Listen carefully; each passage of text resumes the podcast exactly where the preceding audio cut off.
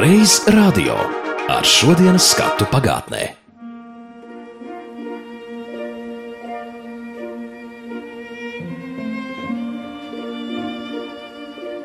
Beidzas Latvijas Rādio 90 gadi, bet šis gads ir apaļa jubileja mūsu kolēģiem, Radio Klasika, un tāpēc gluži dabiski, ka pēdējais raidījums ciklā par radio vēsturi noslēdzas ar klasikas 20. dzimšanas dienu, kas visu gadu turpināsies tajā kanālā, proti Radio 3 Klasika.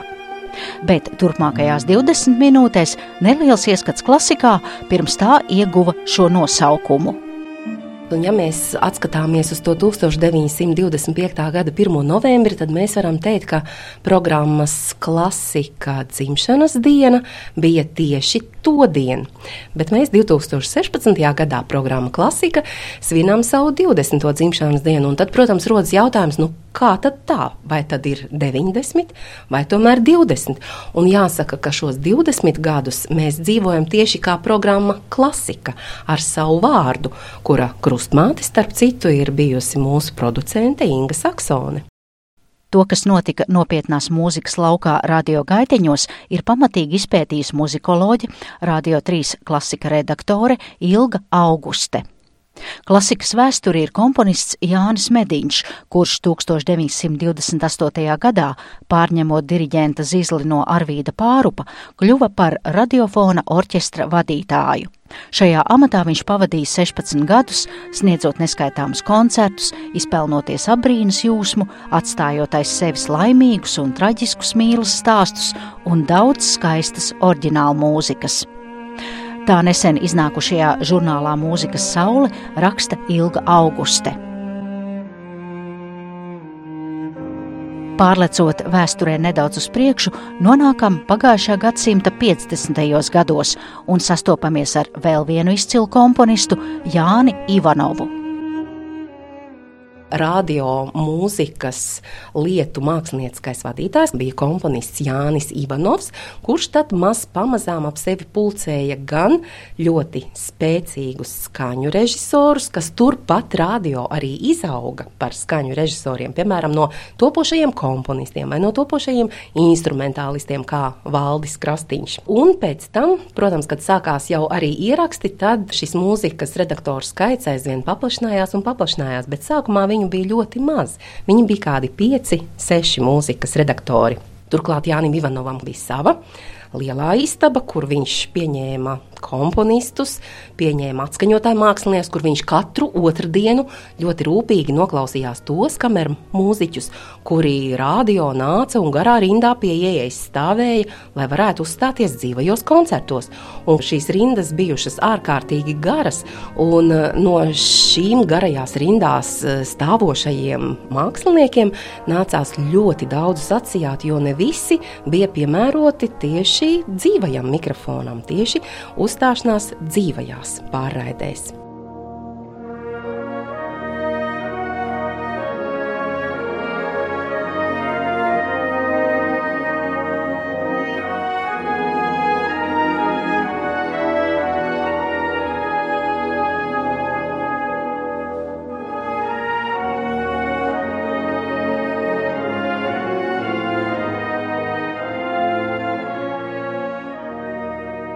Viena no retajām telpām, kur Latvijas radio ēkā Doma laukumā astoņi ir saglabājies senais interjers no tiem laikiem, kad te vēl pagājušajā gadsimta sākumā darbojās kredītbanka, ir radioklasika darba istaba.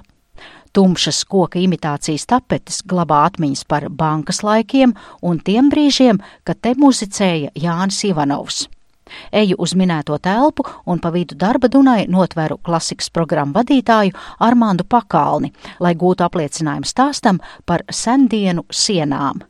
Tas viss ir vecais, jā, bet, nu, principā tas ir restaurēts, mazliet atjaunots, notīrīts. Tas ir no bankas laikiem droši vien tās Jā, sienas, jā. bet, nu, restaurēts ir. Nu, bet šeit tā kā Ivanovs.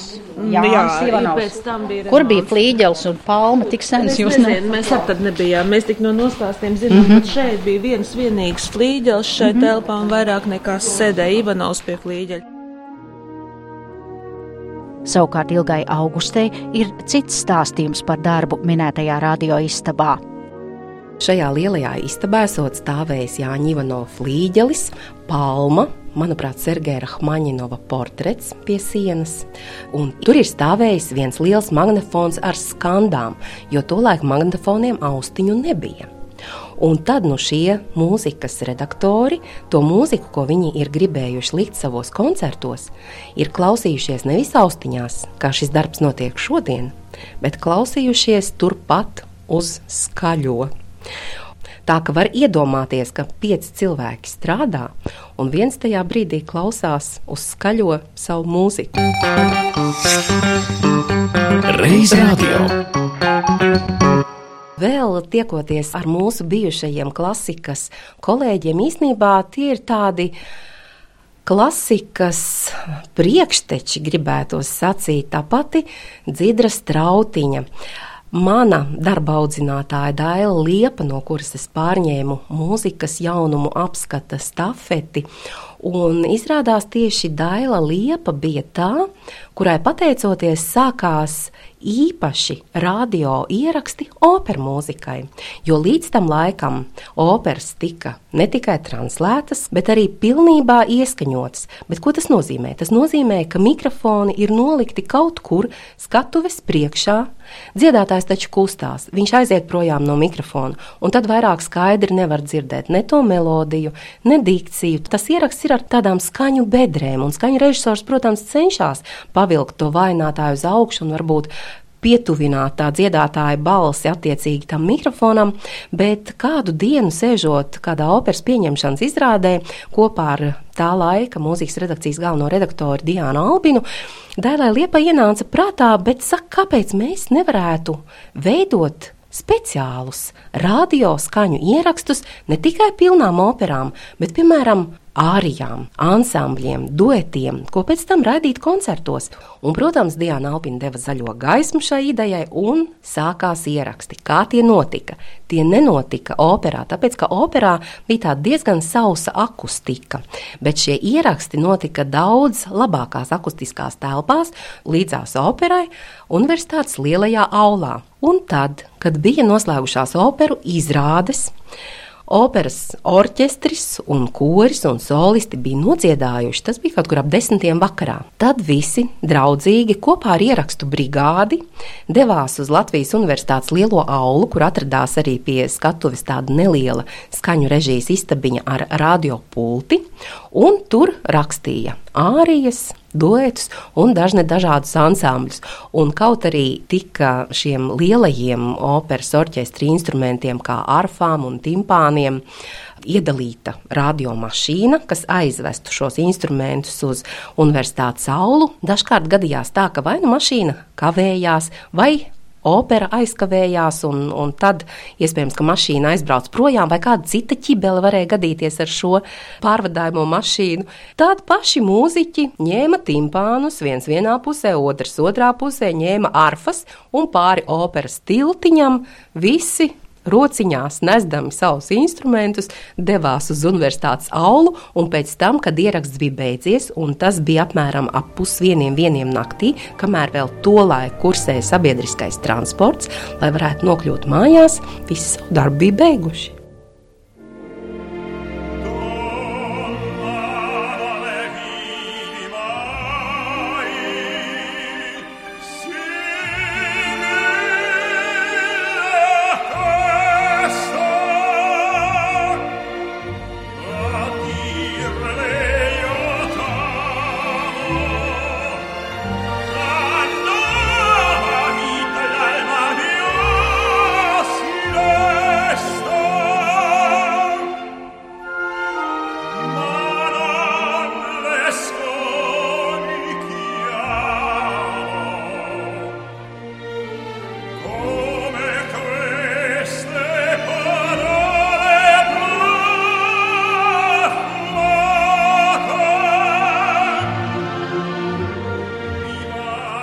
Un kā teica Dzidra Strautiņa intervijā, tad, ja nebūtu Dailas liepas pašaizliedzīgā darba, pa dienām, pa naktīm, visa viņas sekošana līdz operas aktualitātēm, kā katrs mākslinieks dzied, kāds ir viņa līmenis, kāds ir šis operas repertuārs un ko būtu vērts no šīs operas ieskaņot, tad šodien mums nebūtu nec Jāņa Zābera ierakstu, tad mums nebūtu nec tik daudz Pētera Grāveļa un Miķeļa Fišera un Žermēnas Henes Vāgneres un arī Annas Ludiņas ierakstu. Mums nebūtu šo leģendāro latviešu operu dziedātāju tik daudz, cik to ir šodien.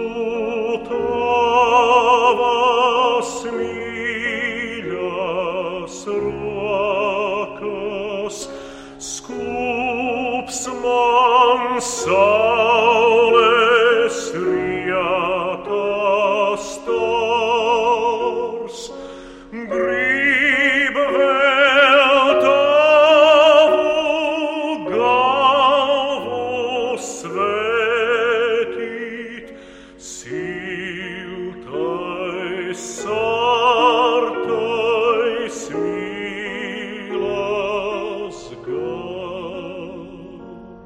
Nu pat izskanēja fragments no Jāņa Zābera dziedātās dziesmas Glāsts, komponists Jānis Mediņš, bet pirms tam Miķels Fišers izpildīja kavaliera Degrie āriju no Giacomo Puccini operas Manona Lesko.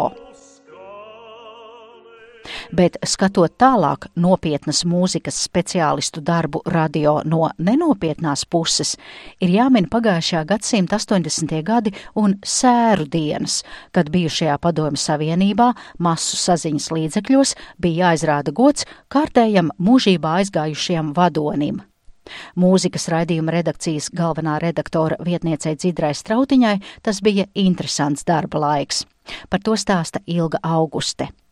Cidra Strautiņa atcerās, ka kādā 1982. gada 10. novembra vakarā, ļoti vēlu, viņai no radio ir piezvanījusi dispečere un paziņojusi, ka radio noteikti jāierodas kādam no mūzikas redakcijas, jo lūk, ir miris biedrs Brežņevs un jāveido sēru koncerti. Aizejot uz radio, protams, Dzīdra Strautiņa jau ieraudzīja savā priekšā fonotēkas darbinieces, jo tolaik fonotēka bija aiz atslēgas. Fonotēkas darbinieces jau gaida, ierodamies kādu no mūzikas redakcijas, kas veidos un mainīs šos koncertus. Nu, un tad Dzīdra Strautiņa bija tā, kas vakarā izveidoja vairākus sēru koncertus no tā laika mūzikas, tādas lēnas, skaistas mūzikas. Nevienmēr tai bija jābūt sēru mūzikai, bet katrā ziņā nopietnai mūzikai. Un tolaik arī visi ieraksti bija rullīšos. Un tad uz viņas galda stāvēja milzīgs daudzums ar tiem rullīšiem, kur jau bija arī jāpārklausās, vai pēkšņi kāda lēnā daļa nesākas ātri vai nebeidzas ātri. Nu, lūk, un pēc tam, kad bija pagājušas šīs sēru dienas, kā mēs zinām, nāca pie varas Jurijs Andropovs, bet viņš pie šīs varas sabija tikai 15 mēnešus. Un 84. gada februārī atkal nāca ziņa, ka ir jāveido šie sēru koncerti. Nu, un kad Zidra Strautiņa šīs daudzās lentas, lentu rullīšus nesa atpakaļ uz fonotēku, pēc tam, kad sēru dienas sakarā ar Juriju Andropovu aiziešanu bija pagājušas, tad kolēģi satiekot viņu gaitenī jau jokoja, nu, nu, nenoliec tos ruļļus pārāk tālu, gan jau drīz vajadzēs vēl. Un Zidra Strautiņa stāsta, viņa nav sapratusi sākumā, kāpēc tādi joki, bet tad, kad viņa kādā televīzijas pārraidē no Maskavas ieraudzīja, kā divi, nu es nezinu, vai miesas sargi vai palīgi stiepa tolaik centrāla komitejas ģenerāla sekretāru Konstantīnu Černienko uz skatuves, viņi patiešām saprata, ka tas laiks vairs nav tālu. Un tad patiešām laikam Pagāja mazliet vairāk par gadu, kad 85. gada septembrī nāca jauns rīkojums, bija jānomaina visa radioprogramma pret šiem sēru koncertiem. Taču, kā atceras Dzidra Strautiņa, šie sēru koncerti sadalīja radio auditoriju it kā divās daļās. Vieni zvanīja uz radio, rakstīja uz radio un sūdzējās, nu ko jūs tur visu laiku raidāt šo sēru mūziku. Cilvēki jau ir noguruši no tām sērām. Bet atkal otra daļa bija tā, kas patiešām priecājās, ka beidzot radio skan tik skaista mūzika.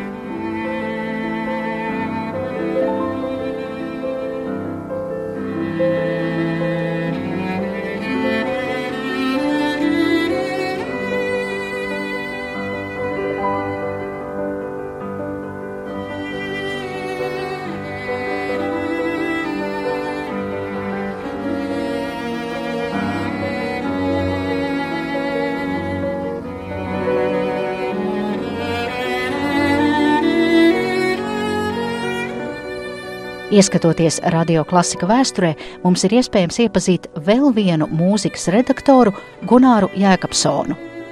Savulaik raidījumā mikrofons strādāja divi Gunāri Jēkabsoni.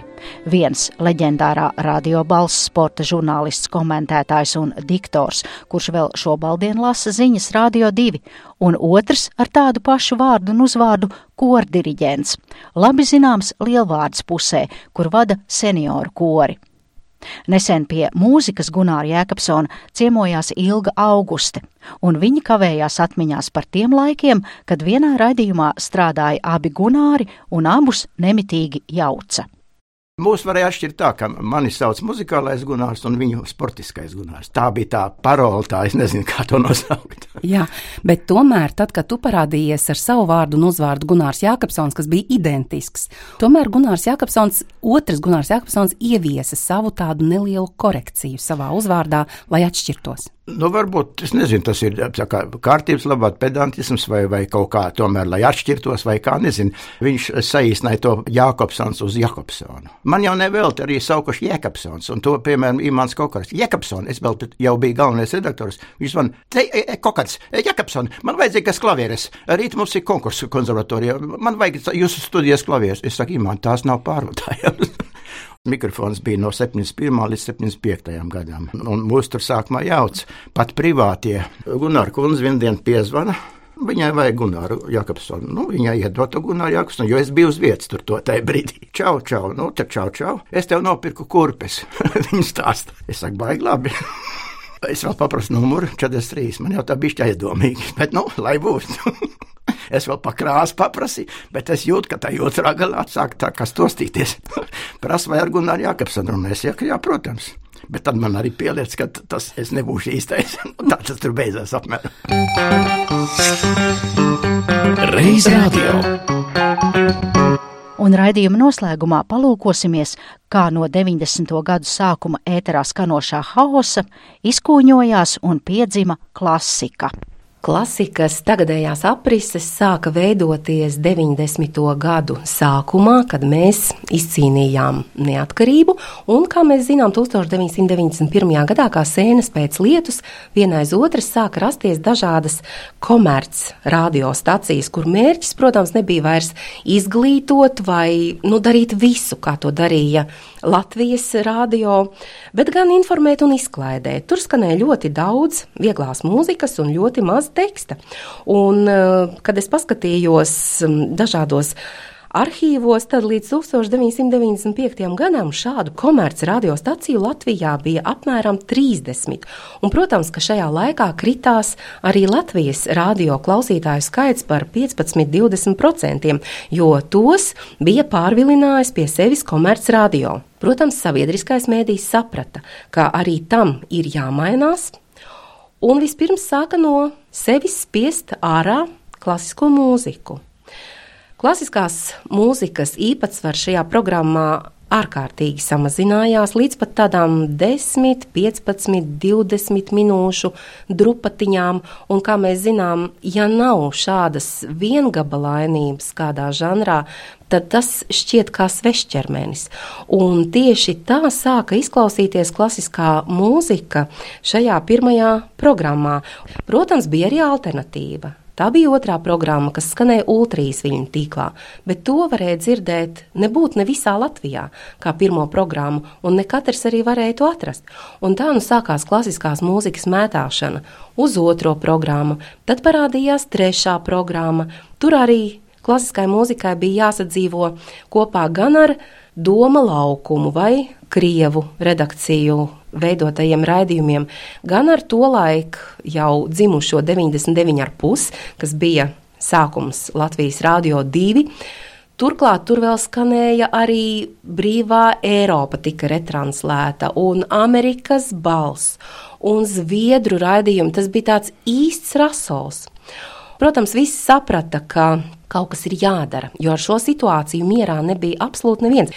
Tā mēs nonākam līdz 1995. gada 21. decembrim, kad Nacionālā radio un televīzijas padome izdeva lēmumu numuru 28 par klasiskās mūzikas kanāla atklāšanu Latvijas radio. Klasikas jubilejas gadā šajā kanālā parādīsies vairāk raidījumu no sendienām, no mūsu fonotēkas arhīviem. Interesantiem tik atliek sekot līdzi programmai, vai arī mūsu interneta mājaslapā var lasīt un klausīties raidījumus par klasiku pirms klasikas un tās rašanos. Turpat var arī rast Latvijas Rādio 90 gadēji visus veltītos raidījumus. Ar to arī izskan viena gada cikls Reiz radio, kur šī skanošā mēdī vēsturi pārlapoja Zane Lāce. Mēs satiksimies šajā pašā laikā un šajos pašos radioviļņos nākamajos svētdienu rītos un atkārtojumos trešdien pēcpusdienās. Tikai stāsti būs citi. Nākamās četras svētdienas kavēsimies barikāžu dienu atmiņās, savukārt sākot no 7. februāra šeit skanēs jauns raidījums par Latvijas novadu, kultūru un vēsturi.